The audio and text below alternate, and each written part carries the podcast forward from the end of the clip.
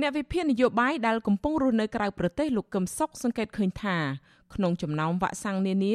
វ៉ាក់សាំងរបស់ចិនមានគុណភាពអន់ជាងគេលោកលើកឡើងទៀតថាបរដ្ឋាភិបាលត្រូវចំណាយលុយលើការទិញវ៉ាក់សាំងបែបនេះគួរព្យាយាមទិញវ៉ាក់សាំងដែលមានគុណភាពខ្ពស់ជាងនេះនិងមានការទទួលស្គាល់ពីអង្គការសុខភាពពិភពលោកទើបជាការផ្ដល់ទំនុកចិត្តដល់ប្រជាពលរដ្ឋ បើរដ្ឋាភិបាលរបស់លោកនាយករដ្ឋមន្ត្រីហ៊ុនសែនចំណាយលុយទិញវ៉ាក់សាំងដដែលហេតុអ្វីមិនទិញវ៉ាក់សាំងដែលទទួលស្គាល់ដោយអង្គការសុខភាពពិភពលោកដូចជាវ៉ាក់សាំងអាមេរិកឬក៏វ៉ាក់សាំងអង់គ្លេសហើយដែលវ៉ាក់សាំងទាំងអស់នេះប្រជាពលរដ្ឋខ្មែរមានទំនុកចិត្តនៅក្នុងការចាក់ច្រើនជាងវ៉ាក់សាំងចិនទោះបីជាយ៉ាងណាឯកអគ្គរដ្ឋទូតចិនប្រចាំនៅកម្ពុជាលោកវ៉ាងវិនធានថ្លែងការពីថាភៀកគីចិនលក់វ៉ាក់សាំងនេះឲ្យកម្ពុជាក្នុងតម្លៃពិសេសបំផុត។ លោករំពឹងថាវ៉ាក់សាំងរបស់ខ្លួននឹងក្លាយជាចិញ្ចាំងសុវត្ថិភាពការពារសុវត្ថិភាពប្រជាពលរដ្ឋកម្ពុជា ក្នុងការទប់ស្កាត់ជំងឺ Covid-19 លោកអះអាងដែរថាមិនមែនតែកម្ពុជាទេដែលប្រើវ៉ាក់សាំងចិននេះគឺមានប្រទេសប្រមាណ60ទៀតបានប្រើប្រាស់វ៉ាក់សាំងនេះដែរលោកថាបើជំងឺ Covid-19 នៅតែបន្តគំរាមកំហែងនៅកម្ពុជាចិននឹងបន្តជួយគិតគូរដោះស្រាយដោយផ្ដល់ជំនួយវ៉ាក់សាំងបន្ថែមឬក៏សម្រួលនៅក្នុងការបញ្ជាទិញឲ្យបានឆាប់រហ័ស។ ថ្ងៃនេះវ៉ាក់សាំង COVID-19 ដែលត្រូវបានបញ្ជាដេញលើដំបងដោយភាគីកម្ពុជាត្រូវបានប្រគល់និងទទួលយ៉ាងជោគជ័យនេះគឺជាសមិទ្ធផលដ៏សំខាន់មួយទៀតនៃកិច្ចសហប្រតិការរវាងចិននិងកម្ពុជាក្នុងការប្រយុទ្ធប្រឆាំងនឹងជំងឺវីរុស COVID-19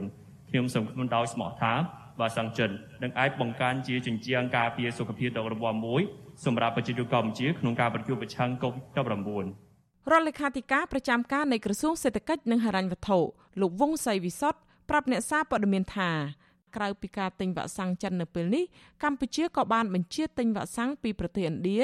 ដែលនឹងមកដល់កម្ពុជានៅពេលខាងមុខនេះហើយកម្ពុជាក៏កំពុងទំនាក់ទំនងជាមួយក្រុមហ៊ុនរបស់អាមេរិកដើម្បីទិញវ៉ាក់សាំងដែរខ្ញុំពុំអាចជម្រាបអស់បានទេអំពីវិធានការកិច្ចសហការរៀងរាល់ថ្ងៃជាប្រចាំដែលយើងបាននឹងកំពុងធ្វើប៉ុន្តែខ្ញុំអាចបញ្ជាក់ជូនថាលក្ខណៈពិសេស មិត្តភាពដែកថែបវិចិត្រនិងកម្ពុជាបានដើរតួនាទីយ៉ាងសំខាន់ពុំអាចកាត់ថ្លៃបានក្នុងការជួយធានាឲ្យកម្ពុជាមានវ៉ាក់សាំងទាន់ពេលសម្រាប់ចាក់ជូនបងប្អូនប្រជាជននាពេលនេះនិងពេលខាងមុខការទទួលវ៉ាក់សាំងលើកទី2ដែលជាការបញ្ជាទិញនេះมันមានវត្តមានលោកនាយករដ្ឋមន្ត្រីហ៊ុនសែនទៅទទួលដល់ប្រលានយន្តហោះដូចមុនទេប៉ុន្តែលោកចាត់តំណាងរបស់លោករួមមានមន្ត្រីជាន់ខ្ពស់ក្រសួងសេដ្ឋកិច្ចនិងហិរញ្ញវត្ថុក្រសួងសុខាភិបាល និងក្រសួងផ្សេងទៀតឲ្យទៅទទួល លោកហ៊ុនសែនសរសេរនៅលើ Facebook លោកថារដ្ឋាភិបាលកំពុងចរចាដើម្បីទិញវ៉ាក់សាំងបង្ការជំងឺ Covid-19 ប្រភេទ Sinovac ប្រមាណ4លានដូសបន្ថែមទៀតពីភាគីចិនដើម្បីចាក់ជូនប្រជាពលរដ្ឋដោយឥតគិតថ្លៃតាមផែនការលោកបន្តថារដ្ឋាភិបាលមានគម្រោងចាក់វ៉ាក់សាំងឲ្យប្រជាពលរដ្ឋឲ្យបានជាង10លាននាក់ដើម្បីទប់ស្កាត់ការរីករាលដាលជំងឺ Covid-19 ប្រកបដោយប្រសិទ្ធភាព និងស្ដារសេដ្ឋកិច្ចដែលរងផលប៉ះពាល់ឡើងវិញ។ រដ្ឋលេខាធិការក្រសួងសុខាភិបាលអ្នកស្រីយុសម្បត្តិឲ្យដឹងថាអ្នកដែលអាចចាក់វ៉ាក់សាំងនេះបាន គឺចាប់ពីអាយុ18ឆ្នាំឡើងទៅនឹងត្រូវចាក់2ដូសលើមនុស្សម្នាក់ហើយវាអាចរក្សាទុកបានរយៈពេល36ខែប៉ុន្តែបើប្រើត្រឹមរយៈពេល6ខែគឺកាន់តែមានប្រសិទ្ធភាពខ្ពស់អ្នកស្រីឲ្យដឹងទៀតថាវ៉ាក់សាំងនេះនឹងចាក់ឲ្យប្រជាពលរដ្ឋងាយរងគ្រោះមនុស្សចាស់និងមន្ត្រីរាជការ ក្នុងនោះតំបន់អាទិភាពមានដូចជារាជធានីភ្នំពេញខេត្តកណ្ដាលនិងខេត្តប្រស័យនុវត្តមានវ៉ាក់សាំងចិនជាលើកទី2ពេលនេះខណៈកម្ពុជាកំពុងរងគ្រោះដោយការរាតត្បាតជំងឺ Covid-19 ដែលករណីនេះផ្ដើមចេញពីស្ត្រីជនជាតិចិនលួចចេញពីកន្លែងធ្វើចតាឡេសាក់ដោយមានសន្តិសុខខ្មែរជួយសម្របសម្រួលកាលពីថ្ងៃទី20ខែកុម្ភៈកន្លងទៅគិតត្រឹមថ្ងៃទី26ខែមិនិនា មានមនុស្ស8នាក់ហើយបានស្លាប់ដោយសារជំងឺនេះចំណែកចំនួនអ្នកឆ្លងក៏កើនឡើងដែរក្រសួងសុខាភិបាលបានដឹងថាអ្នកឆ្លង COVID-19 ថ្មីកើនឡើង96នាក់ដែលសុទ្ធសឹងជាករណីឆ្លងក្នុងសហគមន៍ព្រឹត្តិការណ៍20កុម្ភៈដែលធ្វើឲ្យចំនួនអ្នកជំងឺសរុបមានជិត2000នាក់កម្ពុជាទទួលបានជំនួយវ៉ាក់សាំងពីមុខរួចហើយគឺវ៉ាក់សាំង Sinopharm 60,000ដូសជាជំនួយរបស់ចិន និងវ៉ាក់សាំង AstraZeneca